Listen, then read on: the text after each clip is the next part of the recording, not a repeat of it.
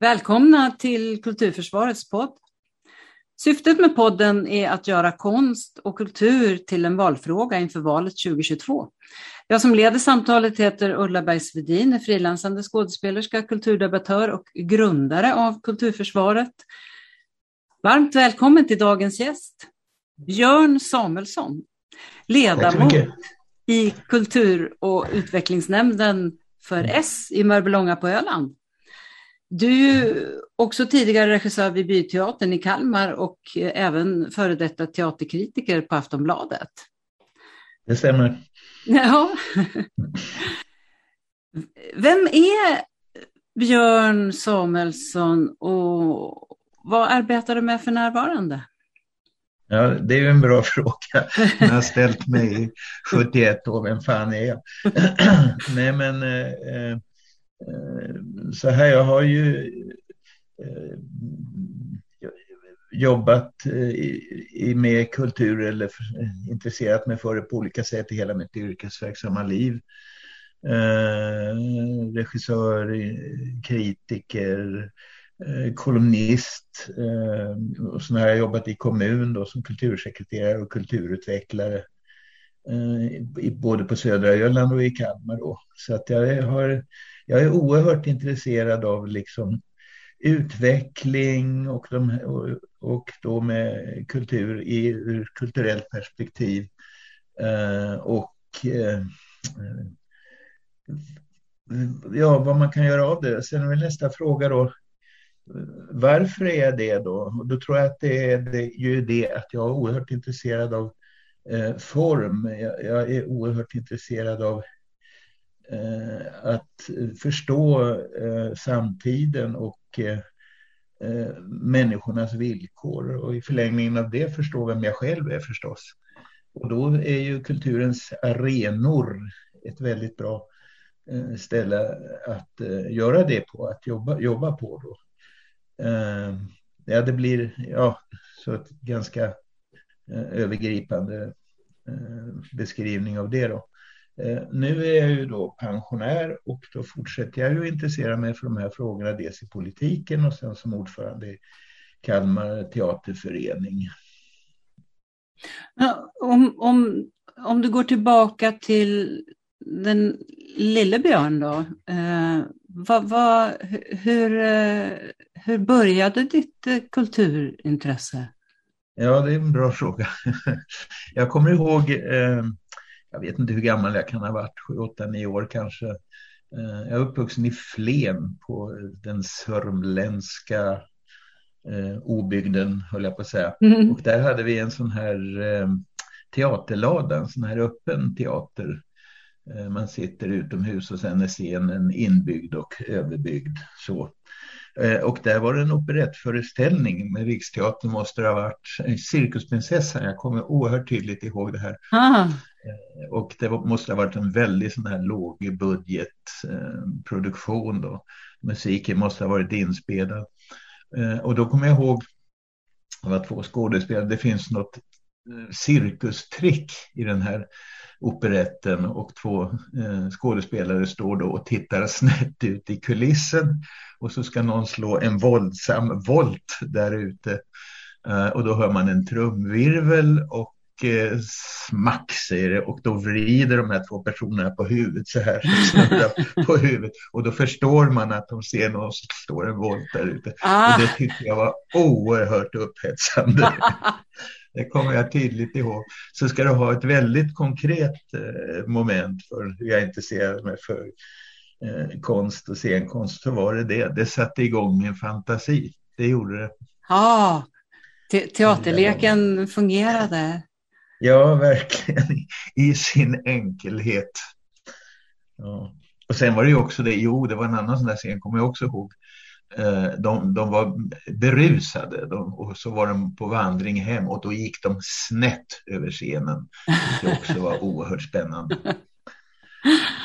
Så det, det är sådana där moment. Men ja, varför var det så ah. intressant? Ja, jag tror vi har nog alla sådana där, eh, såna där specifika minnen, tror jag. Um, hade du konst och kultur i hemmet också? Nej, det hade jag inte. In, in, inte. Nej, jag vill en, en ganska eh, typisk sån här medelklassuppväxt. Då. Min mamma jobbade med barn och min pappa jobbade i kommunen med fastigheter och så. så att... Och i skolan? Hur var det där? Eh, mm, uh, nej, alltså gymnasiet kommer jag ihåg. Uh, där fanns det kulturintresserade lärare som stödde det och vi åkte till Norrköping, uh, Norrköpings stadsteater och tittade på föreställningar. Jag kommer ihåg Weskers köket av Lernst Günther som satte upp. Det var en stor upplevelse. Men det var ju liksom senare i livet, men då, då fick man ju näring för den här, ska vi kalla det för, formintresset eller mm. fantasi, formkopplingen då. Så. så mm. sen, skulle jag, sen skulle jag skaffa mig ett riktigt yrke och bli engelsklärare. Uh, och uh, så läste jag engelska och jag får vara ärlig och säga att jag har aldrig träffat så mycket korkade människor i hela mitt liv. Det... Ah. Nej, det, det, var, det var inte kul. Så att... Sen läste jag teatervetenskap istället. Det var bättre och, och det var där också någonstans jag började med Aftonbladet och sånt. Men, men vad var det som fick dig att välja teatervetenskap då? Bara sådär hux flux byta? Jo, men det var väl eh, det. Jag hade gjort någon liten sån här amatöruppsättning i, i Flen och så. så jag har fått smak för det helt enkelt, det här med scenisk gestaltning. Och det är någonting, alltså det här med att skapa i rummet som jag har gått igång på. Fråga mig inte varför, men det har jag gjort. Och då var det naturligt att gå över där till teatervetenskapen. Ha. Du, varför Anser du att det är viktigt att föra in konst och kultur i debatten inför valet 2022? Ja, ett svar är ju att det alltid är viktigt, men det akuta svaret är att det är särskilt viktigt just nu eftersom det fria samtalet står under attack ifrån högern och eh, Sverigedemokraterna och avgrundshögern och så. För att jag menar, vi lever ju i en tid med mycket rädsla. Vi ska vara rädda för allting. Vi ska vara rädda för gängen. Vi ska vara rädda för muslimer. Mm. Vi ska, och den här rädslan gödslar ju Sverigedemokraterna och extremhögern allt vad de kan. Va? Men vad är det Jimmy Åkesson vill sätta in militär i förorterna och så vidare. Det, man ja. skyfflar på den här rädslan med alla medel man kan. Eh, och eh, där åker ju kulturen med. Alltså, kulturen handlar ju om de värderingar vi har, vad som är viktigt i samhället, vilka vi är själva, vilka vi vill vara, vem jag vill vara och så. Eh, och då när man attackerar det här som Sverigedemokraterna gör, eh, inga prideflaggor, ingen mänskonst, vad nu det är för någonting. Ja. Jag tror att, jag, som jag förstår det, så är det Liv Strömqvist som inte ska få ställa ut ja. i Sverigedemokratiska kommuner och sådär. Eh, och nu, sen eh, motionerar de ju om att provokativ konst som kan chockera ska inte få statligt stöd. Alltså de håller ju på och gnager på det här fria samtalet med alla medel de kan. De hackar lite här och de hackar lite där. Och då måste man förstå att det fria samtalet är inte en gång för alla givet utan det måste vi försvara om vi vill ha det kvar. Alternativet det är ju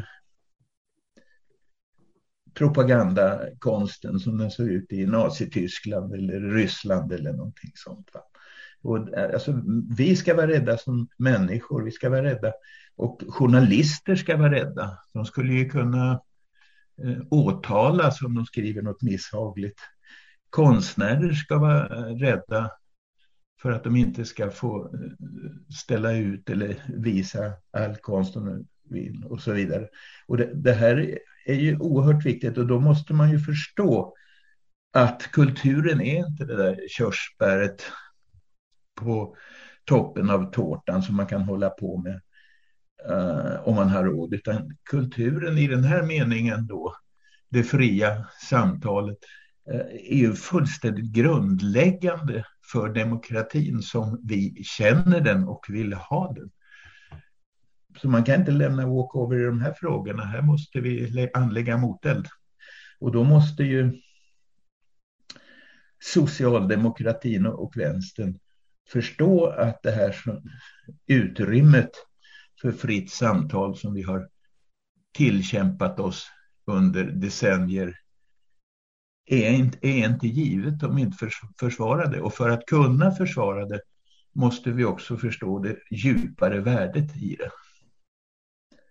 Ja, det, det, det är verkligen sant. Och du har ju också som kulturpolitiker nu initierat en webbinarieserie som riktar sig huvudsakligen till politiskt aktiva på Öland och inom Kalmar län och som har rubriken Nu står slaget om kulturen. Och kan du ja, berätta vad det handlar om?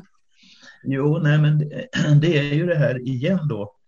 Eh, som man säger i den eh, politiska eller världen, här på lokal nivå. Mitt perspektiv nu för tiden är ju framförallt det lokala. Det är ju då, eh, om man säger så här då, alltså vi ska ju jobba för med offentliga medel ett gott liv för medborgarna. Ja, det är en väldigt bred beskrivning då. Mm. Och, då är det, de, och det är de tunga frågorna. Det är vård, skola, omsorg och de också lagstiftade. Va? Eh, och sen vad hamnar kulturen i det här då? Ja, men vi har kultur och fritidsfrågor och i och med att man gör den hopkopplingen kultur och fritid så har man ju egentligen redan sagt att kulturen är någon sorts fritidsintresse. Va? Mm. Och det är ju detta som eh, Moderaterna kör hela tiden också då, att man ska betala för sig. Mm.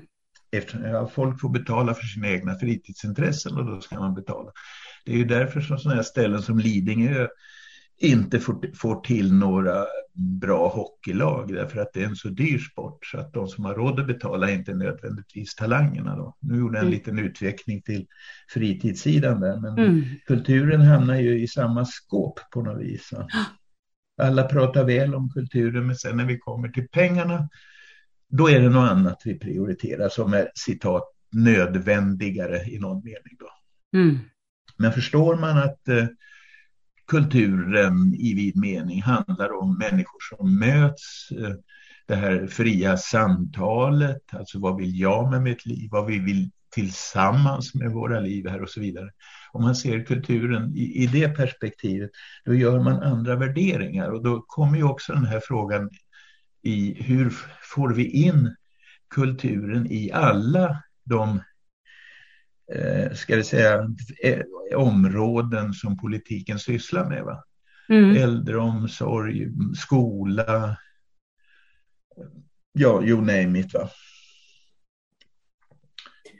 Och, och då eh, är det viktigt här nu att få ett fördjupat samtal om det för att eh, vi kan ju rabbla de här nyckelorden om varför kulturen är viktigt i sömnen. Va? Eh, läste kulturpolitiska, eh, sossarnas kulturpolitiska eh, program. Mm. Det finns ingenting man invänder mot det då. Men varför är den kulturpolitiska eller den socialdemokratiska kulturpolitiken så klen? Mm. Det, ja, det är en bra fråga då. Och då är ju avsikten med det här samtalsserien då, det är ju att försöka få ett samtal där vi går djupare in i oss själva och reflekterar över det. Varför är det viktigt i våra liv? Och ju djupare insikter man har om det, desto bättre kan man bedriva en kulturpolitik. Lite så va. Och, det, och, grunden för det här det är ju ändå samtalet. Det var ju det Bengt Göransson eh, tjatade om hela tiden. Eh, mötesplatsernas betydelse för att människor ska kunna mötas och utveckla någonting tillsammans. Va? Och där är ju också då samtalet en grundbult i det som är människors möten. Ja, som du sa, du, du, du, ni har sagt att eh, ett av syftena är då att deltagarna i de här webbinarierna ska kunna fördjupa sitt kulturpolitiska tänkande och i förlängningen utveckla en skarpare och offensivare socialdemokratisk kulturpolitik. Och vad tänker du att det rent konkret ska leda till? Tänker du då att man ska kunna få in kulturpolitiken så att säga, i de andra politikområdena så att det till exempel ska kunna avsättas medel för kultur även inom så att säga, sjukvård, skola, äldreomsorg på, i de politikområdenas budgetar? Är det det du tänker? Ja visst, eh, och att man förstår att eh, eh, kulturen i vid mening då, alltså de här livsfrågorna är, är ju levande frågor hos människor även under vilken så att säga i, i vilket kommunalt stuprör man just nu jobbar med dem. Nej, men jag kan ta ett exempel. Eh, ta skolan, när jag var mm. kultursekreterare på södra Öland. Eh, då pratade jag med någon studierektor om, om kulturen eh, i skolan och han sa, det här glömmer jag heller aldrig, ja det är så mycket som ska in i skolan. Så. Mm. Och då ser man ju det som någonting extra som ska mm. in. Så. Eh, sen eh, gjorde vi, jobbade vi med skolbio då förstås. Och det gjorde väl andra också. Och vad jag gjorde då det är att jag hade under några år en utbildningsdag för lärare. Eh, en dag per år så, som handlade om film, vad film är för någonting. Och då hade mm. jag någon pedagog från film i Skåne och så började de prata om eh, han började prata om The Terminator, va? den filmen. Mm. Eh, och hur många elever har sett den? Ja, det hade ju alla. Hur många mm. har sett den flera gånger? Ja, det var många som hade gjort. Mm. Jaha, och så började han analysera den där filmen och då kom han ju fram till att det är ju en Kristus och frälsarhistoria. Och plötsligt var det en massa lärare som började säga, jaha, Mm. Var det det? Då var det inte skräpkultur längre. Då var det mm. plötsligt någonting som, som berörde eleverna. Ja, varför mm. gjorde det det då? Mm. Och sen när man håller på så här och jobbar, eh, då efter ett tag så är det plötsligt lärare som börjar jobba med film i sina ämnen, i historia, i religion, i ja. allt vad det var. Plötsligt insåg de att ja, men filmen är ju ett medium som jag kan använda i det jag gör. Mm. Eh, så det handlar inte om att lägga på, utan det handlar om att inse att film till exempel, eller teater eller musik är språk som berikar det du redan håller på med. Precis. Och har du den synen så, så då händer det grejer. Och där tycker jag alltså att det här är en fråga som är ohyggligt försummad. Det är ju lärarutbildningens koppling till kultur. finns mm. ju ingen va? Nej. Utan, utan då är ju man utbildar lärare och sen om man har ett specialintresse kan man lägga några poäng på att titta på kultur. När det egentligen alltså de kulturella språken, bild, musik, rörelse, vad det nu är för någonting, är ju lika viktigt och inte minst bild i dessa dagar när ja. vi översköljs av bild, film i alla medier är ju lika viktigt eh, som det talade ordet. Och varför är det diskriminerat i lärarutbildningen och i skolundervisningen? Det är fullständigt obegripligt. Alltså det gör ju eleverna handikappade. Alltså det är ju tvärtom. De, de måste ju få en fördjupad kunskap i de här språken för att kunna förhålla sig kritiskt till dem och så vidare. Va? Ja, det är borttaget som obligatoriskt ämne. Det är ja, det är fullständigt enfaldigt. Det är ja. ju korkat. Det, det försvagar ju elevernas möjligheter att vara fria människor i det här samhället. Ja, vara kritiskt tänkande och allt, allt som har med, med just att, att tolka sin omvärld att göra är ju i princip borttaget idag. Precis. Eh, och det är också en insikt då, om vi vill ha kritiska och reflekterande människor vilket borde vara en, en socialdemokratisk målbild, då måste man också förstå de här kulturella språkens betydelse för detta. Ja, och även som du säger, med ut, även i vårdutbildning borde det vara självklart, ja. för det finns ju eh, relevant forskning som visar på hur olika konst och kulturuttryck är behjälpliga så att säga i, för människor med olika sjukdomstillstånd för, som hjälp för tillfrisknande. Så att, eh, jag tycker det är väldigt konstigt att, att vi inte har kommit längre där. Nej, och, det, och då kan man börja leta efter orsaker till det. Då. Och en eh, orsak kan ju vara den här eh, försiffringen och förpappringen av allting. Det här mätbarhetsraseriet som ju, eh, vad heter hon nu då, filosofen? Ja, strunt samma. Nej, men det är ett antal filosofer och tänkare som har tagit upp det här nu i debatten på olika sätt. Att det här mätbarhetsraseriet krymper oss som människor. Ja, det, det går åt väldigt mycket tid till att rapportera siffror och fylla i kolumner för människor ja, vad, som har andra och, uppgifter egentligen. Och vad har man egentligen gjort när man har gjort det? John, vad heter hon? Jonna Bornemark heter hon va? Alltså vad har man egentligen gjort när man har staplat de här siffrorna på varandra? Vad har man egentligen sagt? Vad är kunskap och vad är bildning? Eh, så att säga. Jag håller på att läsa Sverker Sörlins bok här nu till bildningens försvar. Han skiljer, där han går in och resonerar kring det. Liksom. Kunskap är inte detsamma som bildning. Och vad är bildning för någonting? Det är ju att man, när man kan eh, relatera till kunskap och använda kunskap i ett vidare sammanhang. Mm, precis, jo men det är det där att man, att man sammanblandar ibland utbildning och bildning. Ja, ja precis. Så. Nej, så här finns ju mycket Eh, för socialdemokratin att fördjupa analysen och tänkandet av vad det är man håller på med eller liksom hur vi ser på skola, kultur, bildning och så vidare. Då.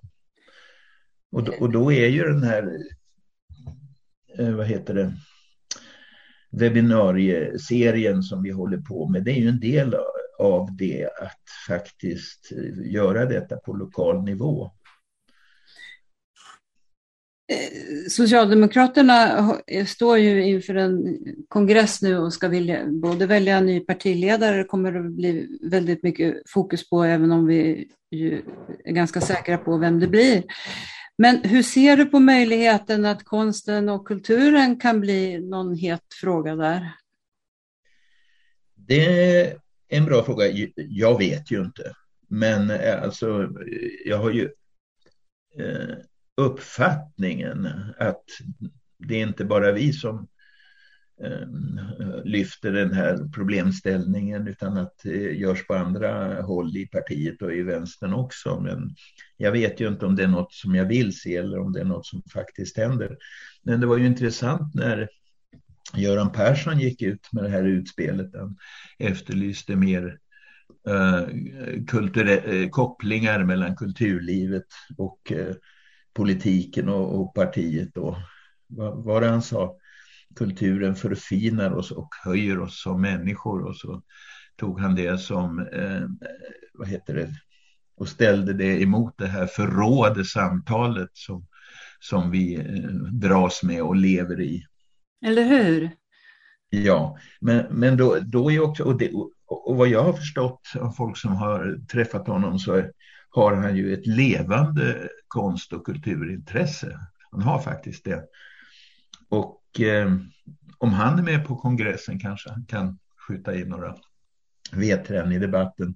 Men eh, sen är det också om man tittar tillbaks på eh, arbetarrörelsens intresse för kultur. Det handlade ju om att skapa identitet, skärpa tanken och skapa tankeinstrument för att förstå och förändra verkligheten. Det får man inte glömma bort. Eh, och även om vi nu har en annan situation så är det ju fortfarande detta som är en... Alltså kultur är ju så mycket. Va? Mm. Det är ju ett sånt brett begrepp. Jag menar det är allt ifrån mitt barns Lucia-tåg till någonting på Dramaten va? och så vidare.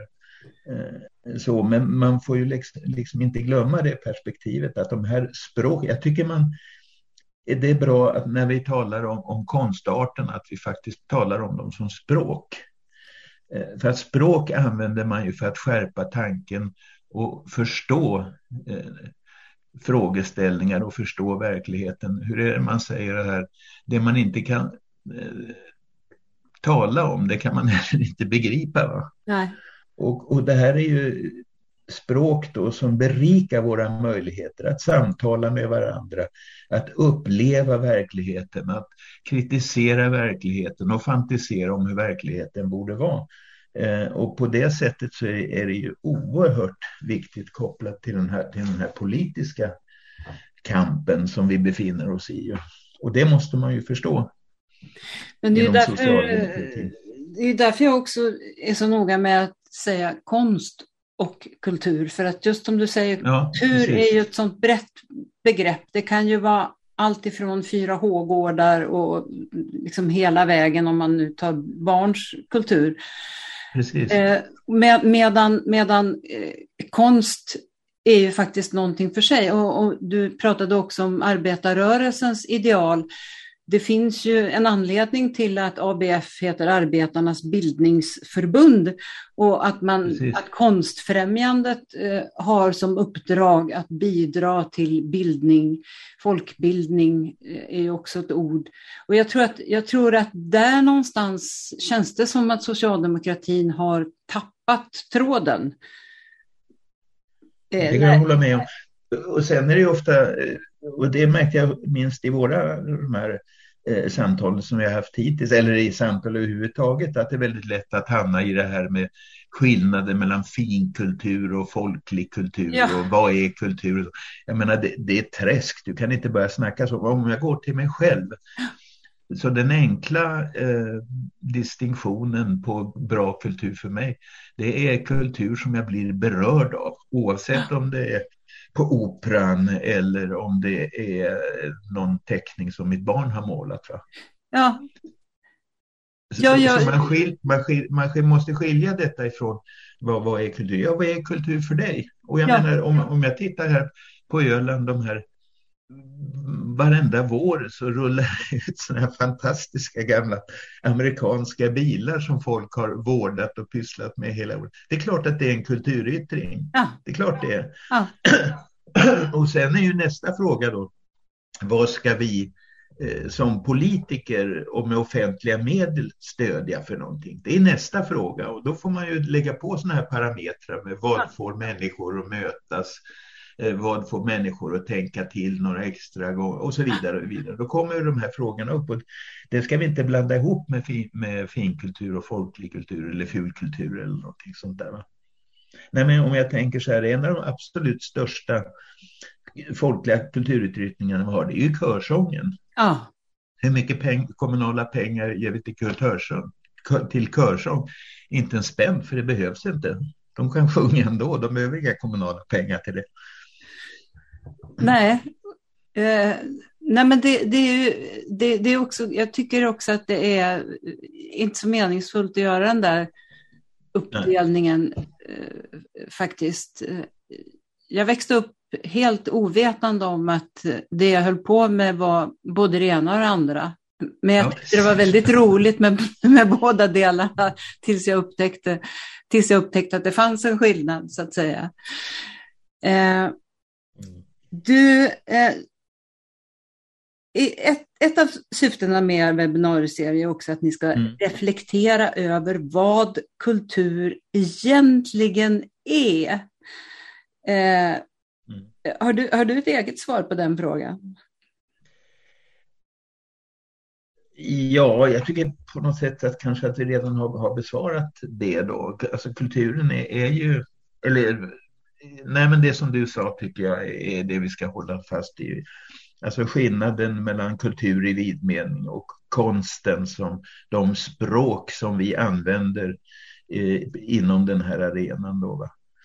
Och, och, och då är ju, om jag går till mig själv, alltså det är ju så mycket, alltså det är ju bekräftelse av identitet. Eh, jag bor på Öland, jag gillar det. Det är fåglarna och det är eh, borgarna och det är kulturarvet. Det är en del av min identitet om vi tar det spåret. Eh, sen målar jag mm, själv som amatör då, naturligtvis har jag börjat med som pensionär. Det blir en del av min identitet. Jag testar då liksom olika sätt mm. att måla och uttrycka. Och det som intresserar mig då det är ju liksom vad, vad, vad blir det som jag inte visste att det skulle bli? Va? Mm. Så, va? Så då blir det en undersökning eh, då. Det, här, det är målerispråket för mig som person. Va? Och sen är det ju då att jag vill ju bli provocerad naturligtvis va? av kultur. Va? Eh, jag vill ju att folk ska reta mig och säga, jag menar ta Eh, just det, det kan vi ju ta som ett exempel. Vad heter hon nu då som eh, låtsades vara psykotisk och lades in på eh, sjukhuset. Det blev ett jävla liv. Anna Odell va? Ja just det, Anna Odell ja. Mm. Ja, och en jävla massa psykiatrer och inom vården som blev skitförbannade på detta tilltag. Mm. Det kan jag ju förstå. Men hon fick ju igång en diskussion om psykiatrivården som aldrig hade kommit till stånd om hon inte hade gjort denna konstnärliga provokation. Och sen så finns det ju provokationer som jag inte begriper eller som jag blir sur på. Ja, men sen då? Det, det är ju det, va? Jag, kan inte, jag gillar inte allt. Nej. En sen då? Men det här är ju en, en jättelik arena med otrolig massa uh, uttryck och tankar och påståenden som jag eh, kan plocka i och förhålla mig till. Eh, och det som jag blir engagerad av eller får nya tankar av, det gillar jag. Det jag inte begriper, det skiter jag i. Så enkelt är det ju. Men för att allt detta ska finnas så måste ju den här eh, arenan vara fri. Ju. Och då måste vi i det offentliga hjälpa till att, att, att den är det. Och alternativet igen då, det är ju det här Sverigedemokratiska propagandakulturen eh, som vi, som vi har eh, sett vart den leder. Mm. Ja, precis. Ja. Och det är precis som du har varit inne på flera gånger här, att just det här att det leder till det här samtalet också. Ja, så tyckte du det var bra, jag tyckte det var rena skiten. Liksom. Mm. Att, jag menar, det är ju, Varför det är nästa fråga. Ja, precis. Det blir ju ett väldigt intressant samtal.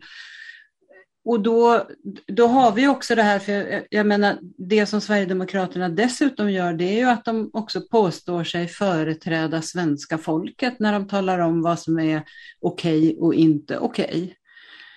Ja, så är det ju. Och sen är det ju det, det liksom att jag menar då, det här gillar inte folk. Nej, då kan man ju påminna sig då, Picasso. När jag växte upp var Picasso obegriplig. Nu finns det ju ingenting som är mera folkligt än Picasso.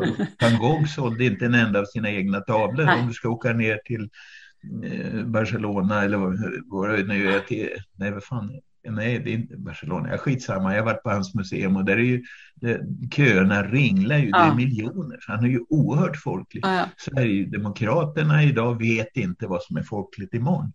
Det, det är så otroligt förmätet av dem att hålla på med det här. Va? Jag är inte säker på att de vet vad som är folkligt idag heller, eh, för att eh, eftersom de retar ju, det retar ju gallfeber på dem ofta, till exempel vem som vinner slagerfestivalen, eh, hon eller han är inte svensk och så vidare. Eh, men vinner de schlagerfestivalen så är det ju folkligt eh, per definition eh, och, och de, då har de ju bevisligen fel när de påstår sig företräda folket. Så, så är det ju, och det är, det är ju rädslans evangelium. Det som jag inte begriper ska bort. Ja, precis. Det, det, det är ju det. Och, och, och, det, är då, det är då det kommer att bli väldigt, eh, eh, jag vet inte vad vi ska beskriva det som, intressant att se hur man blir företrädd. Eller när Jimmie Åkesson åker ner och talar om att Sverige är fullt på, på mina vägnar. Jag försökte polisanmäla honom, det gick inte. Jag så, nej, ja. Nej. Du, ni har ju hunnit med att ha två eh, seminarier nu. Ja. Eh, kan du inte bara säga något om dem och vad ni har fått med er från de här diskussionerna? Jo, nej, men det är intressant. För det första eh, visade det sig ju att folk var otroligt intresserade av att prata och debattera. Va? Eh, och sen det första det handlade om kultur och yttrandefrihet och då hade vi Kalle Nathansson från Folkets hus och parker och han vad heter det, tog upp det här exemplet med att det var någon Folkets hus-bio, tror jag, nere i Malmö som inte ville visa Roman Polanskis film om Dreyfusaffären eftersom Roman Polanski är en svin och en motbjudande person. Och då eh, hävdade ju han och bestämde att den här ska visas därför att vi måste skilja på verk och person. Och det tycker jag blev en väldigt intressant diskussion alltså, i och med den här, vad säger man nu då, om du inte är svart så kan du absolut inte uttala dig å svarta personers vägnar eller man säger att det här, jag är Floyd eller något sånt där, det är förmätet så. Men jag menar om jag, om vi påstår att du kan aldrig identifiera dig med mina frågor, i förlängningen av det så finns ju ingen solidaritet överhuvudtaget. Mm. Om, om inte jag kan identifiera mig med dig i någon mening. Va? Så att det, det, det där, så var, var går gränserna och just det där och var, nej men som Folkets husrörelsen då, hyr vi ut våra lokaler till vem som helst? Nej, det gör vi inte. Vi hyr inte ut dem till de som eh, inte delar våra grundvärderingar om det fri, fria samtalet. Och det är inte detsamma som att vi censurerar någons yttrandefrihet och så vidare. Så där fick vi ett ganska nyanserat samtal utifrån sådana här frågor. Då, eh, sen så hade vi ett samtal om kultur och lokal identitet och det var Sören Björklund som är eh, tidningsman och eh, oerhört intresserad av, på ett väldigt personligt sätt av den öländska konsten, Per Ekström och sådana där. Populariserade en podd på Ölandsbladet, Öländska konsthistorier. Han skriver böcker om, om öländska konstnärer och han eh, personliga ingångsvärden i det här eh, det är ju just det där att vi värdesätter inte eh, den här delen av vår identitet på Öland tillräckligt, tillräckligt mycket, varken politiskt eller i den allmänna debatten. Så, va? Ehm, och det blev ju då det var jättebra att han blev så personlig. Va? För då blev samtalet därefter också mera personligt. Eh, även om det sen sådana här samtal när man väl sätter igång, det märker ju vi nu när vi pratar, det, det vrider sig och man vet ja. inte riktigt var man hamnar. Och så ska det ju vara. Va? Men eh, om, vi, om jag skulle säga någonting om kvaliteten på, de här, på det här samtalet eh, så tog vi något steg mot det personliga reflekterandet ifrån det som vi kanske hade i det första handtalet, mer det politiska reflekterandet över yttrandefrihetens gränser. Och, eh, så, så där tänker vi hålla på, så får vi ju se vad samtalet hamnar. Och jag tror egentligen att det viktiga är att vi faktiskt pratar. Och det som händer i oss när vi pratar, det ska bli spännande att se. Va? Ska, ska du säga någonting om vilka ni är som deltar, alltså vad, vad det är för typ av personer som är med där? Ja, det är ju, vi är 16, 17, 18 stycken och någonting. Och det är ju dels eh, fritidspolitiker som, som jag själv. Och sen är det eh, kommunalrådet här på ön, Matilda och ordföranden i kulturnämnden i Kalmar, Maja Dahlberg och eh, ordföranden för länsmusiken sådana. Eh, och sen är det en annan konstnär. Och, men de flesta är ju sådana här, ska vi säga, politiskt intresserade och mer eller mindre aktiva som jag själv. Mm. Och det blir en ganska bra blandning och det märker man ju också med de här en sån som vårt kommunalråd då, va? Eh, som har ett genuint intresse av de här frågorna. Men i hennes vardag så kommer de ju inte, inte riktigt upp. Va? För att de snubblar hela tiden på konkreta frågor. Det, det är som den här, vad heter det, meningen med föreningen. Ja. var inte, är inte det någon novell eller någonting med någon eh, som efter varje föreningsmöte så vill han ta upp frågan om livets mening, Just men det har man aldrig tid med. Nej, nej det, det kommer upp på så, övriga så, frågor. ja, så, så är det. Så nästa med, träff här, då, då ska vi ha Laven Redar som ju är vår kulturpolitiska talesperson inom socialdemokratin. Då. Kultur och klass, är all kultur till för alla? Det är väl en bra fråga? Ja. Och då, då kommer jag att tänka på, var det Etienne Glaser, skådespelaren och operaregissören som fick någon fråga av en journalist. Vad skulle du säga till en arbetare för att få honom att intressera sig för opera? Och då sa jag igen, varför skulle han intressera sig för opera? det tyckte jag var ett lagom provokativt svar. Så att får vi se vad det, det tar vägen. Va? Och sen eh, också en sån här, och en liten blinkning åt eh, den polit, politiska eh, nyttotänkandet, det är ju det här eh, med kulturens eh, värde eh, när det gäller platser, platsprofilering, attraktivitet, identitet och affärer har vi en rubrik. Och då har vi bett Helena Alsenius som är vd för destinationsbolaget i Borås. För Borås har ju haft en enorm utveckling som stad. Alltså det var ju en stad som jag jämt försökte åka förbi på mm. vägen till Göteborg härifrån. Men med den här Pinocchio-statyn och det som har hänt därefter har ju blivit en fantastisk skulpturstad. Jätterolig att besöka. Och vad betyder det då? Mer än att det är attraktivt för turister, sådana som jag själv då i ett sånt här sammanhang. Och det ska bli jättespännande att höra henne säga. Betyder det här någonting för alla de här skulpturerna något för de, för de som bor i Borås? Mm. Och försöka vidga den diskussionen då. Och sen det här vi vet ju alla att bli, bli konstnär, det, det är en av eh, eh, Sveriges dyraste utbildningar. Du lägger fyra, fem, sex år av ditt liv och sen vet de flesta att jag måste försörja mig på någonting annat, på att sitta i en kassa på ICA eller någonting. Och min pension som konstnär kommer att vara i stort sett obefintlig. Och ändå ger sig folk in i de här utbildningarna. Varför det? Vad är det som drar? Vad är det? Och det är ju de frågorna som du egentligen började med här också. Mm. Och då har vi en tjej som heter Sofia Sundberg som är konstnär och Eh, kursledare på Ölands folkhögskola som jag bjudit in och så startat samtal utifrån det. Så, och så här, det här är ju så att säga rubriker som vi har valt på känns och så här som, som vi då hoppas leder till ett för, fördjupat samtal. Då. Och det finns ju andra rubriker man egentligen också kan välja för, i samma syfte så att säga. Va? Men så här har vi valt att eh, ja, man, reaktionerna från folk som är med är att de tycker det är väldigt stimulerande. Ja.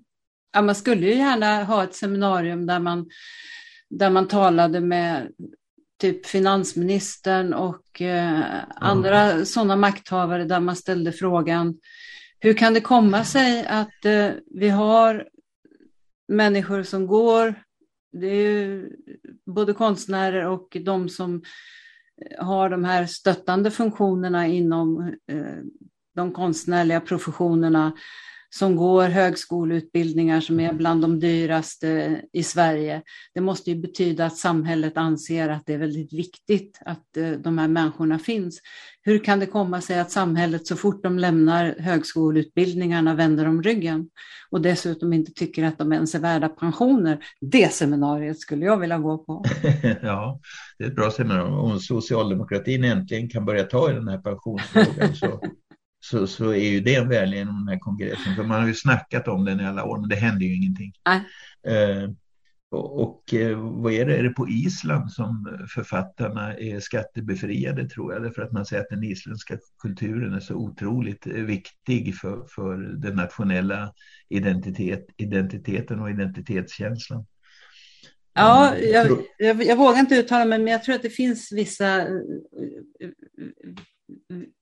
vissa, vissa lättnader på olika sätt för olika konstnärer. Ja, men igen då för, för, att det här så att säga ska bli någonting än att ja, det är synd, synd om väldigt många människor i det här samhället. Så, så är det ju det här att man måste ju på något vis uttala och identifiera varför ja. kulturen är viktig. Va? Annars kommer det ingenstans. Nej, och det är ju något vi har återkommit till i många av de här poddarna, att, mm. att fler inom konsten och kulturen måste Eh, engagera sig eh, och, och, och, också våga höja rösten och, och påstå någonting om varför det är viktigt. För att vi, vi, har väl tenderat på något sätt att tycka att ja, men det får väl någon annan säga. Men uppenbarligen ja. är det inte någon annan som begriper tillräckligt mycket om det kanske. Så att Nej. vi får höja våra röster. Ja, så är det. Alltså det, det är så många aspekter i det här. Va? Det, det ena är ju om säger, vi vanliga människor. Då, då. Uh, jag menar, man saknar inte kon förrän båset är tomt kan man Nej. ju säga. Och det har, blivit, det har blivit aktuellt här nu med pandemin. Va? Ja. Och, och eh, dels den fullständiga valhänthet med vilken regeringen har hanterat kulturarbetarnas frågor i inledningen. Ja. Och nu får man ju se med de här miljarderna som de plockar fram om det kan Eh, vilken nytta man kan ha av det. Men det märker vi ju nu eh, när restriktionerna börjar lätta, vilket sug det är. Ja. till exempel Kalmar teater är ju fullbokat hela hösten och till våren. Mm. Vi, kan, vi kan ju knappt klämma in de föreställningar vi vill visa. Nej. Det finns ju ett enormt sug och varför det då är ju en intressant fråga då. Nej, jag tänkte också på, du, du berättar ju att du under din tid på Byteatern, ja. då hade du hade inte kontakt med alla de här campingägarna eh, som fanns samtidigt som du sen upptäckte att de var jätteintresserade av vad som kunde finnas att göra för deras gäster. Är det också så att vi, vi har, är lite för liksom, fina i kanten för, för att liksom, förstå också vad, vad som är, vilka som är de potentiella, den potentiella publiken ibland? Ja, så är det precis. Det är jättebra att du tog upp den tråden. Nej, men, eh, vad skulle jag säga, här på Öland så finns det ju mer eller mindre yrkesverksamma konstnärer i de här föreningarna, tror jag 150 stycken eller någonting. Och det hänger ihop med många saker, inte minst det öländska ljuset som traditionellt är väldigt attraktivt för konstnärer. Och det är väl ungefär lika många yrkesarbetare som är mer eller mindre på heltid eh, som, som det finns bönder på ön. Mm. Men, men eh, de, alla de här konstnärerna identifierar sig ju inte som en bransch. Mm. Utan var och en är ju så att säga sig själv nog och eh, så. Va? Och individuell. Och jag tror att det är väldigt viktigt så här som kultur verksam eller yrkesarbetande inom kulturen, att man kan ha båda de här synsätten. Dels är det jag och min konst, men jag är också del av någonting annat. Jag är del av samhället och jag är del av någonting som faktiskt är en, en bransch yrkesmässigt. Mm.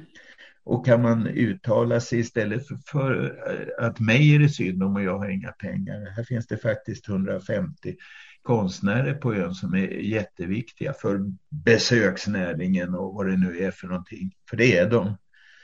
Eh, då får du en branschfråga på ett annat sätt som du kan kommunicera med, med eh, Eh, de offentliga instanserna, kommunerna, regionen och så vidare. Va? Så att det där med att man tror att jag själv är så jävla unik kan, är faktiskt en, kan vara i somliga sammanhang, inte minst de politiska sammanhangen, att skjuta sig i foten. Ja. ja, det vet ju du som fackligt aktiv. jo. Eh, du, eh, i, i, i den nämnden som du sitter, du, du pratade om det inledningsvis, att kulturen är hopslagen med, med fritid, men också med utveckling väl? Ja. Och, och vad innebär det, det för arbetet då? Bra fråga igen då. Nej men så här är det ju då, alltså varför man tillskapade en sån nämnd för några år sedan eh, kultur och tillväxt. Det är ju för att man identifierar eh, kulturidentiteten och kulturfrågorna som är oerhört eh, viktig för eh, öns näringsliv, för besöksnäringen. Va? Mm. Vi har ju en, vad är det, varje sommar ungefär en halv miljon människor på den här ön som vill uppleva saker och ting. De vill uppleva naturen, kulturarvet, badstränderna, borgarna, konsten. Va? Så, va? Och då på den, på den här ön då, så, så blir ju kulturbranscherna då på ett tydligt sätt ihopkopplade med utvecklingsfrågorna. Mm. Eh, och det blev ju ett incitament till för att tillskapa den här nämnden. Då. Eh, sen eh, har konstruktionen haft problem, för det, blir, det visade sig bli en jättenämnd. Eh, för där kom ju in vattenfrågorna som är akut på ön också, torkan och vattenbristen. Eh, och det visade sig att eh, när företagarna ville ha en närmre kontakt med kommunalråden. Då flyttade man bort de rena näringslivsfrågorna till, till eh, kommunstyrelsen istället. Och så där håller vi på. Så nu diskuterar vi vad ska vi göra istället då? För det har blivit en otymplig nämnd. Va? Eh, och just det här ehm, utvecklingsfrågorna som vi ju då identifierade som vi skulle hantera i den här nämnden kommer vi liksom inte riktigt till på det sättet som vi skulle önska då. Och då är frågan, ja, vad ska vi göra istället då? För att det som traditionella så här eh, eh, som, man, som man har haft då, det är ju kultur och fritidsnämnder. Va? Och då hamnar man ju i det bakvändet att vård, skola och omsorg är lagstiftat och prioriterat och så hamnar kultur och fritidsfrågorna i det här frivilliga hörnet på något sätt. Då. Så det är inte heller riktigt bra. Hur kan vi lösa det då? Det vi tittar på nu det är det vi kanske ska tillskapa någon typ av bildningsnämnd. Mm. Kan man knyta ihop skolan och eh, kulturfrågorna, kulturskolan, eh, fritidsgårdarna som ju här har en eh, inriktning mot mot kreativa eh, verksamheter. Jag kan prata mer om det sen. Skulle det vara en möjlig konstruktion? Och då tittar vi på hur har andra gjort? Så nu ska vi träffa Emmaboda, för där har man en bildningsnämnd. Är det möjligt eller betyder det att kulturen igen blir någon sorts strykpojke till de stora tunga skolfrågorna? Så där håller vi på. Va? Mm. Men om vi knyter ihop kulturfrågorna med bildningsnämnd, då, då, identifierar man ju kulturfrågorna på ett annat sätt. Mm. Då säger man inte att kulturen är en fritidsfråga, ja, utan man säger att kulturen är en bildningsfråga. Det låter väl ändå För, klokt. Ja, men detta är ju då är också någonting som vi i så fall måste få att fungera praktiskt. Men det är det i den riktningen vi diskuterar och söker oss fram nu, så får vi se var vi hamnar. Men vad jag, eh, skulle, jag, jag kan ta ett ja. exempel. Eh, när jag var eh, kultursekreterare här eh, så ska vi har ju eh, sockerindustrin. Öland har ju varit en eh, sockerbetsö. Vi har mm. odlat sockerbetor och vi har haft sockerbruk här. Och det lades ner och då blev det en stor fabrikslokal över. och i denna fabrikslokal tillskapade vi ett kulturhus mm. faktiskt. Eh, på följande sätt att där har vi dels lo eh, lokaler för Kulturskolan, vi har lokaler för fritidsgårdarna och så anställde jag konstnärer som ville jobba med ungdomar. Så det mm. väldigt fokus på kreativitet.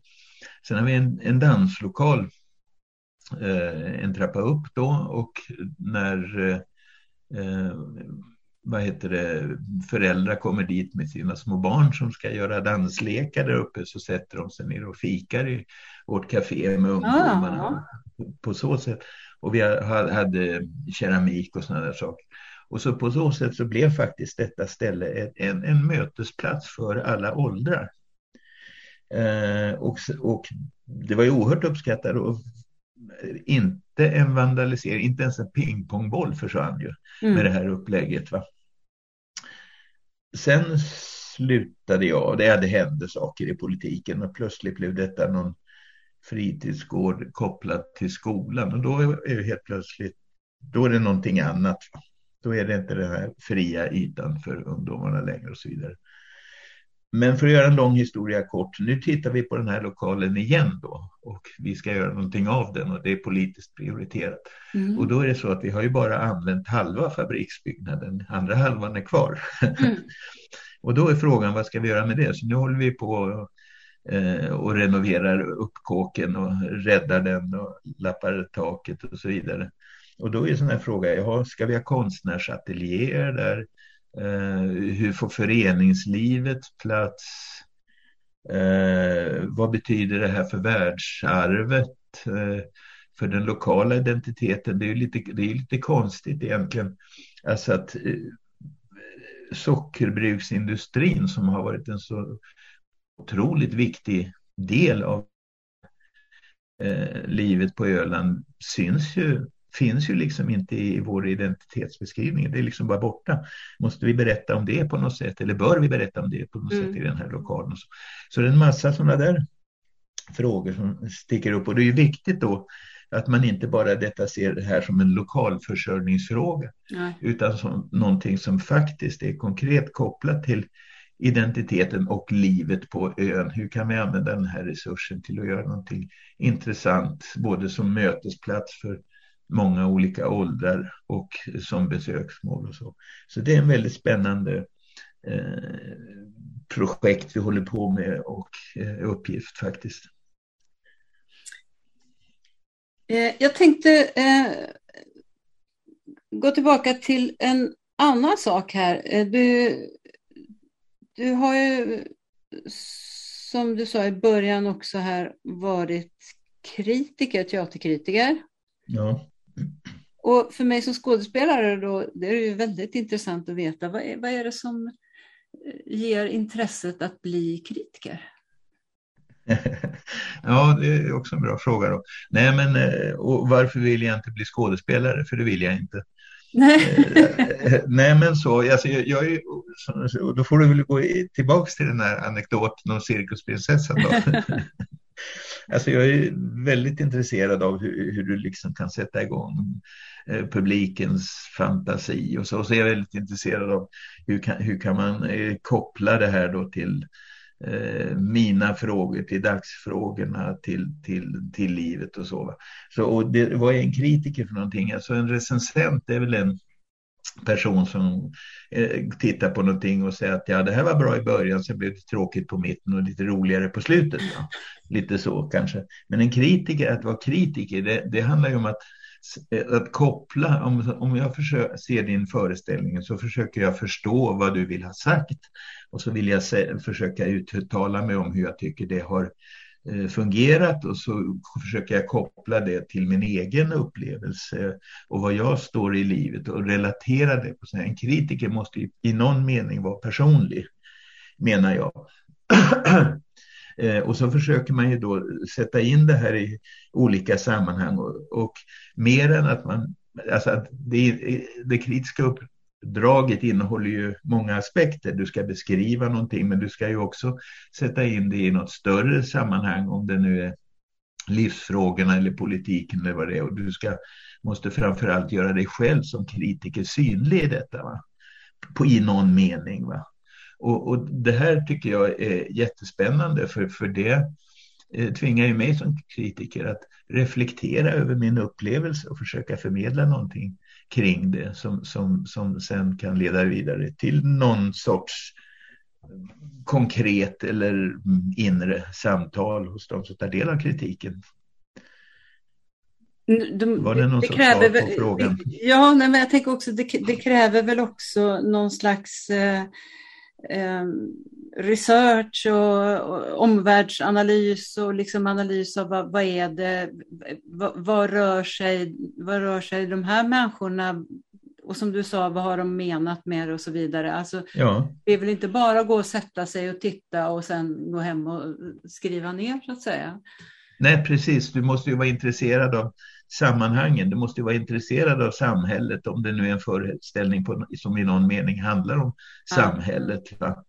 Eh, för det gör ju de flesta föreställningar. De handlar ju om, om relationer och handlar det om relationer, psykologi, så handlar det också i någon mening om, om samhället och, så vidare. Så du måste ju, måste ju vara intresserad av relationer mellan människor, du måste ju vara intresserad av samhällsfrågor, jämställdhetsfrågor, maktfrågor, vad det nu är för någonting va? Som, som avhandlas, om vi nu pratar om scenkonst. Då, va? Och jag så tänker även ha kunskap om, om dramatiker, om eh, olika teatrars förhållningssätt och typ av spelsätt och så vidare. Ja, så, så blir det ju. Eh, och, det, och det är det, och det var det, eh, också som är knepigare i, som utvecklingen inom media har, eh, ser ut idag. Då, va? Alltså när jag höll på på Aftonbladet på 70, på 70-talet då reste jag över Sverige. Jag var i Luleå, jag var i Norrköping, jag var i Göteborg och Malmö och så vidare. Va? Och då får man ju någon sorts överblick, man får ju rikare referensramar kring, mm. kring, kring eh, de, de, de här resonemanget. Va? Men det har ju i stort sett upphört. Va? Och då blir det ju den här avsmakningsrecensionerna då, höll jag på att säga, i hög grad. Nu spetsar jag mm. till det en aning, va? men det är ju så. Fortfarande så är ju den kritiker som jag tycker är intressantast vi talat, det är ju Leif Cern. Därför att han, han gör ju sig själv tydlig i de här resonemangen, både vem han är, den här judiska identiteten till exempel och hur han jobbar med den. Och, och sen har han ju också fortfarande den här referensramarna som gör att det blir ett rikare och intressantare eh, kritik som han skriver. Va? Men jag saknar, jag saknar det. Men det är ju en, i grunden en ekonomisk fråga. Det blir, det blir svårare. Ja, redaktionen har, har, väl inte det utrymmet idag. Jag tänker det är ju en sak med, med, med recensenter och kritiker som, som har liksom ett helt liv bakom sig med alla de här erfarenheterna. Men de som mm. är nya skulle ju behöva ha det här resandet som du talar om och möjligheten att skaffa sig den erfarenheten. Men det, det kan de rimligtvis inte få idag vad jag kan se. Nej, jag vet inte om det är någon som reser, alltså mer än sporadiskt sådär. Och sen är det alltså den här kritikerfunktionen eh, som jag har uppfattat det, den skapades väl av tyska teatern någon gång på, kan det vara 40-talet eller, eller någonting sånt där. Eller ja, i början på förra seklet i alla fall. Mm. Då anställde de ju folk just därför att de ville ju ha en Eh, intellektuell reflektion över vad de faktiskt höll på med. Och då anställde man ju folk som så vitt jag förstår, som har den här, hade den här kritiska funktionen. Men det är också en tradition. Jag kommer ihåg när jag höll på med eh, eh, satt upp i väntan på Godot på, på Byteatern så läste jag sådana här eh, regiböcker ifrån eh, tyska regissörer och så. Mm. Jädrar vilka intellektuella eh, resonemang och konstruktioner som fanns där på ett sätt som, som eh, jag, jag, verkligen saknar i, i vår tradition. Mm. Jag uppfattar ju inte eh, teatern så väldigt mycket som en intellektuell hantering som det faktiskt borde vara. Det är utsatt för intellektuell reflektion eh, över vad man håller på med. Men nu hoppas jag att detta inte låter som surtsar även om det menar jag inte. Men, men, ja. Nej, men jag tror, jag tror att alla inom, eh, inom kulturlivet eh, sörjer att det finns så lite utrymme för, eh, för just kritiken. Det, det tror jag. Mm. Du, eh, som du har varit inne på här så är kulturen eh, på Öland kopplad en hel del till kulturarvet, eh, mm. även i länet, till exempel Kalmar slott. Hur, hur påverkar det kulturlivet och politiken? Ja, det, det är en, en, bra fråga, för det gör det faktiskt. Alltså, jag kan, jag kan, det finns olika ingångar i detta. Alltså, det är ju de här, vi har ju två slott här vi har ett slott i Kalmar och ett slott i Borgholm. Just eh, och vi har eh, en jädra massa borgar här på ön. Vi har Sandbyborg, den här massakern i Sandbyborg som är, är ju oerhört intressant. Eh, har internationell eh, uppmärksamhet. Det är alltså, det, några har tagit sig in i borgen, i den här fotidsborgen i Sandbyborg, slagit ihjäl alla, stängt igen dörrarna och dragit därifrån, inte ens plundrat det. Vad var det som hände och varför? Och det här har man ju hållit på och grävt ut nu ett antal år. Det är oerhört intressant. Så här som, som ren, eh, som besöksmål är ju lätt att identifiera detta och, jobb, och jobba med, med detta, slotten och så vidare. Så. Eh, och det gör man nu. Va?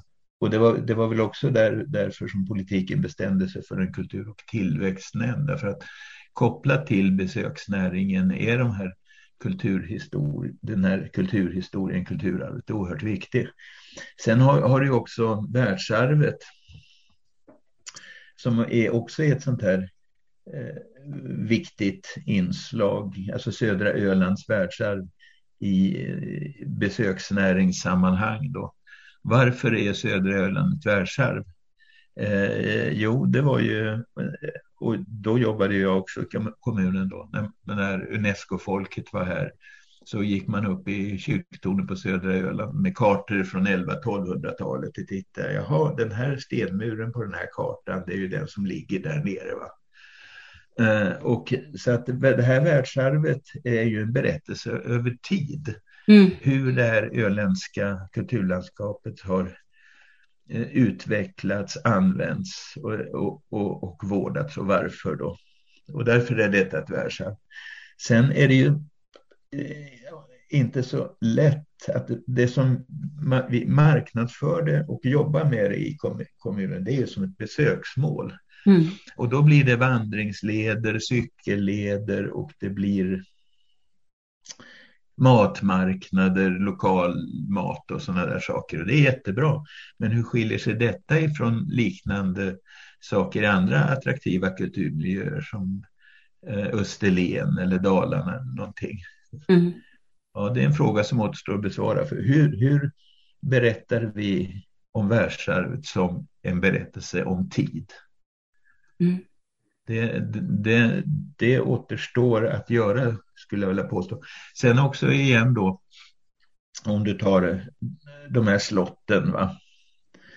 Eh, eh, de utvecklas ju nu som väldigt attraktiva besöksmål. Både Kalmar slott och eh, Borgholms slott. Va? Mm. Eh, det är utställningar och det är evenemang och det är aktiviteter och det är barnverksamheter och en massa sådana där saker. Och vi har ju Eketorpsborg på, på Öland här som vi också har ett ansvar för att utveckla i samma riktning. Men eh, nästa fråga är ju varför ligger de här slotten här och varför hittar vi guldskatter nere i Färjestaden som vi har gjort? Eh, svaret på den frågan är ju Kalmarsund. Mm. Det strategiska läget i Kalmarsund och hur, hur, viktigt det har varit för och gränserna mot Danmark och allt sånt där. Eh, och eh, den berättelsen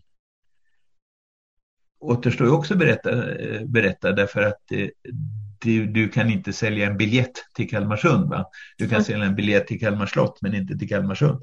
Så, och där är ju frågan då, hur hänger allt det här ihop? Va? Och då måste du fokusera på Kalmarsund. Och eh, det var ett projekt som jag drev och jobbade med i, eh, som heter Unika eh, Öland och Kalmar. Eh, när jag jobbade i Kalmar och innan jag gick i pension. Då.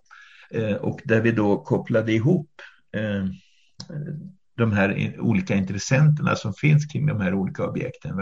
Vi har tre kommuner, vi har landstinget, vi har regionen, vi har länsmuseet och så vidare.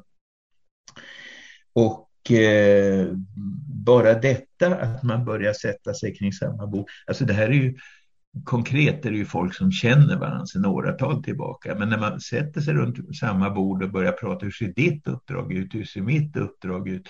Och hur kan vi samarbeta? Så händer det massor med intressanta saker. Och nu har det här gått vidare då till ett eh, länsprojekt som snurrar runt 10-12 miljoner som egentligen handlar om att fördjupa och marknadsföra kult kulturarvet här, här i regionen. Och det är bra. Och så här är det ju ofta, va? man får vispa grädden och någonstans i något hörn blir det smör. Va? Det är så. Mm. Men din, du hade någon grundfråga där som jag hoppade över. Nej, ja, det, du har svarat på den, hur det påverkar kulturlivet och politiken. Men, men jag, jag har en följdfråga däremot, eh, mm. för att eh, det, det, här skulle de nog i och för sig gilla. Men apropå kulturarv, det är ju något som vissa politiska partier vill att vi som konstnärer ska ägna oss åt i fortsättningen för att få offentliga medel. Så vad tänker du om den utvecklingen? Är det frågor som ni kommer också ta upp i diskussion, till diskussion i er webbinarieserie? Där? Eh, det ska vi se, tror jag inte vi har med som rubrik. Nej, jag har inte sett någonting men, än så länge. Men... Nej, men däremot så, eh, nu håller man ju på och knådar i olika projekt ihop med Linnéuniversitetet. Mm. Eh, så där, där nu finns ett starkt kulturintresse. Och då är ju liksom frågan varför, kultur, varför intresserar man för kulturarv? Eh, och då kan man ju, det kan ju säkert, säkert finnas olika svar på det. Jag menar, det som Sverigedemokraterna är ute efter det är ju det att slå fast någonting ja, som är precis. svenskt. Och, och, det kan du jag menar gräver du i, i en borg på, på, på södra Öland så handlar du i Östrom. Va? Dit de åkte för att, tjäna sina pengar och, och, och, kom hem och så. Och eh, tittar du liksom på en bondgård eh, någonstans på norra Öland så hamnar du i USA, mm. dit folk eh, åkte på grund av svälten i förra seklet och sådär. Så, så, den bilden av kulturarvet som, som eh, någon sorts cementerande av någonting svenskt, den är ju falskt. Mm. Det är inte, så ser inte verkligheten ut. Va? Eh, alltså, det som är väldigt intressant eh, om man är intresserad av de här frågorna, det är också att titta på de danska museerna, vilket mm. jag eh, gjorde. Århus och vad det, ja, ska man välja ett ställe skulle jag åka till Århus som är ett fullständigt fantastiskt eh, kulturhistoriskt museum mm. Eh, som har kostat hur många miljarder som helst. Eh, men det som man har, skjuter in sig på i de här eh, danska eh, museerna som jag har tittat på, det är ju själva eh, frågorna, skattjakten, de, detektivarbetet. Va? När du har någon vikingautgrävning så marknadsför man det med arkeologerna. Mm. Man har broschyrer med bilder, här kommer arkeologerna med en spade över axeln. Och vad ska de hitta? Och vad betyder det? Eh, så att har du en, monter i, ett danskt museum då, som jag tittat på mm. med något svärd eller någonting, ja då finns då en tv-skärm bredvid där det finns en journalist eller en mm. politiker mm. eller en forskare eller någon som berättar om makt, vad det här svärdet betydde och symboliserade och så vidare. Så att man hela tiden relaterar det här till våra frågor. Mm. Och då blir det ju någonting annat än Alltså, alltså att just det här att man ställer frågorna Precis. Kring, kring det historiska materialet än man tror att de ska bekräfta någonting. Det är ju helt två olika ingångar i detta. Och sen är ju, det, sen är ju nästa fråga, ja hur skapas dagens kulturarv? Vi mm. skapar ju ett kulturarv nu och hur ser det ut och så. Och, det, och de här frågorna på ett levande sätt jobbar man ju med på Linnéuniversitetet och det är någonting helt annat än den här cementerade lögnaktiga Sverigebilden som Sverigedemokraterna är ute efter. Ja, men vad det jag menar, jag tycker det är det jag tycker är så intressant för att när man börjar titta på vad som faktiskt, vad som faktiskt har hänt så tror jag att eh, det, det kommer att leda till att, man, eh, att, att bilden, bilden blir en annan och därför tycker jag att det är så spännande med sådana här saker som ni ju håller på att jobba med nu att, eh, att få se vad, det verkligen, eh, vad, det, vad vi verkligen kommer att få se. Det blir, precis, det blir ett samtal med historien. Ja, och det är någonting annat än att försöka använda historien som bekräftande. Jo, men det var det, den frågan du ställde också som jag glömde svara på. Det var ju det här med, med eh, campingägarna. Nej, men jag, jag, för på något sätt, alltså man befinner sig lätt i de här stuprören som kulturarbetare också. Va? Eh, och när jag jobbar på Byteatern eh, eller i kommunen eller så. Eh, jag jobbade, pratade ju aldrig med en campingägare för turister är, var ju, är något som, lite, eh, som man ser ner på, liksom turister från, kultur, från kulturlivet och turism, vad det för någonting, är det minigolf där då? Och sen så eh, tänker man inte på att ja, men när jag åker och tittar på van Gogh eller Picasso eller vad jag nu gör någon annanstans så är jag ju också turist. Mm. Det är människor eh, som vi. Va? Och det upptäckte jag ju då när jag höll på med det här unika projektet då. Att det fanns ju ett jätteintresse hos de här campingägarna för de har ju folk som inte bara vill ligga på en badstrand utan som vill uppleva och förstå någonting. Mm. Ja, varför jobbar vi inte mot dem då? Mm. Eh, och, och, där är ju också ett, ett sånt här intressant projekt som jag hoppas lever vidare som vi drev. Eh, det var en konstnär som alltså gjorde ljudinstallationer från historiska platser i eh, Kalmar och här på, på ön. Då. Du kan befinna dig på platsen och så hör du en eh, ljudanimation om det nu är dikter eller man återskapar den här fantastiska domkyrkan eller storkyrkan som fanns inne i Kalmar en gång i, i en ljudbild och, och så. Eh, det var ett oerhört intressant eh, konstprojekt som vi gjorde ihop med Statens konstråd och som eh, jag nu hoppas ska återuppväckas så att alla fortsatt kan ta del av det. Så, Och det projektet blev ju jätteintressant för de här campingägarna att kunna tipsa sina besökare om. Ja, det är klart, ju större bredd det finns att, att eh, erbjuda, dess bättre. Ja, och det, jag skulle säga det också Eh, Eh, att det, det, alltså det finns ju, alltså den här ön hänger ju väldigt mycket ihop med konst. Och jag pratade med en gallerist nere på södra Öland eh, som drev galleri där i, må, i många år. Eh, och han, han sa, jag frågade honom, är det inte svårt att jobba med konst här nere? bland bönderna på ön och sa nej det är det inte alls. Här, han sa att här är alla lite knäppa och vi, och vi vet att vi måste eh, hjälpas åt för att eh, klara oss i den här fattiga landsdelen och de drev ju projekt ihop med, med eh, handelsträdgårdar och, och sånt där vidare. Och den typen av samarbete eh, mellan konst och näringar och bönder och vad du vill finns det mylla för här. Och en sån konkret mylla det är ju att det här är faktiskt en ganska fattig ö. Eh, och ska vi åstadkomma något får vi försöka göra det tillsammans. Ja, det låter ju väldigt klokt. Du, nu har jag en avslutande ja. fråga till dig. Eh, ja. På vilket sätt och av vilka anser du att konst och kulturpolitiken bör debatteras inför valet 2022? Så att det som står i alla sådana här vackra kulturplaner blir tydligt, att konst och kultur är viktigt för såväl samhälle som medborgare. Ja, det var en bra fråga. Alltså dels, jag, jag tror ju eh, Eh, också, eh, det som börjar med här lite grann då att eh, kultur, ett fritt och diskuterande och öppet och debatterande kulturliv är ett starkt motgift emot rädslan som brer ut sig och som högerkrafterna försöker med alla medel få att bre ut sig för att de ska kunna leverera en stark man som ska Eh, ta dig i skinnet och lösa allting åt dem. Mm. Så det, det, är någon sån här grund, tycker jag, att man måste se hotet i en, i en rädslans kultur. Det är det ena.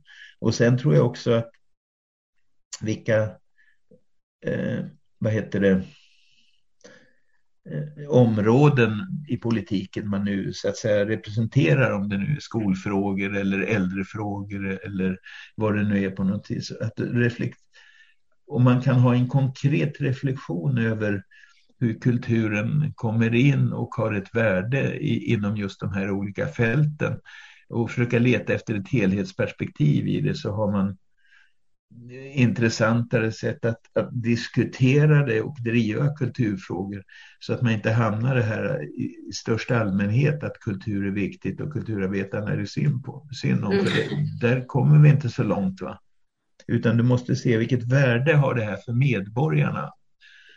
För dig och mig som i det liv vi, vi, vi lever bland andra människor här i våra städer, orter och var vi, var vi nu finns någonstans. Jag tror att man på något sätt eh, måste börja i den änden och för att detta ska fungera behöver vi kulturarbetare. Så, och, och, jag tycker också att det finns ett embryo till, till en sån diskussion som har kommit upp i och med pandemin, för då har det blivit på något sätt tydligt mm. över hur vi saknar kulturen när den inte finns.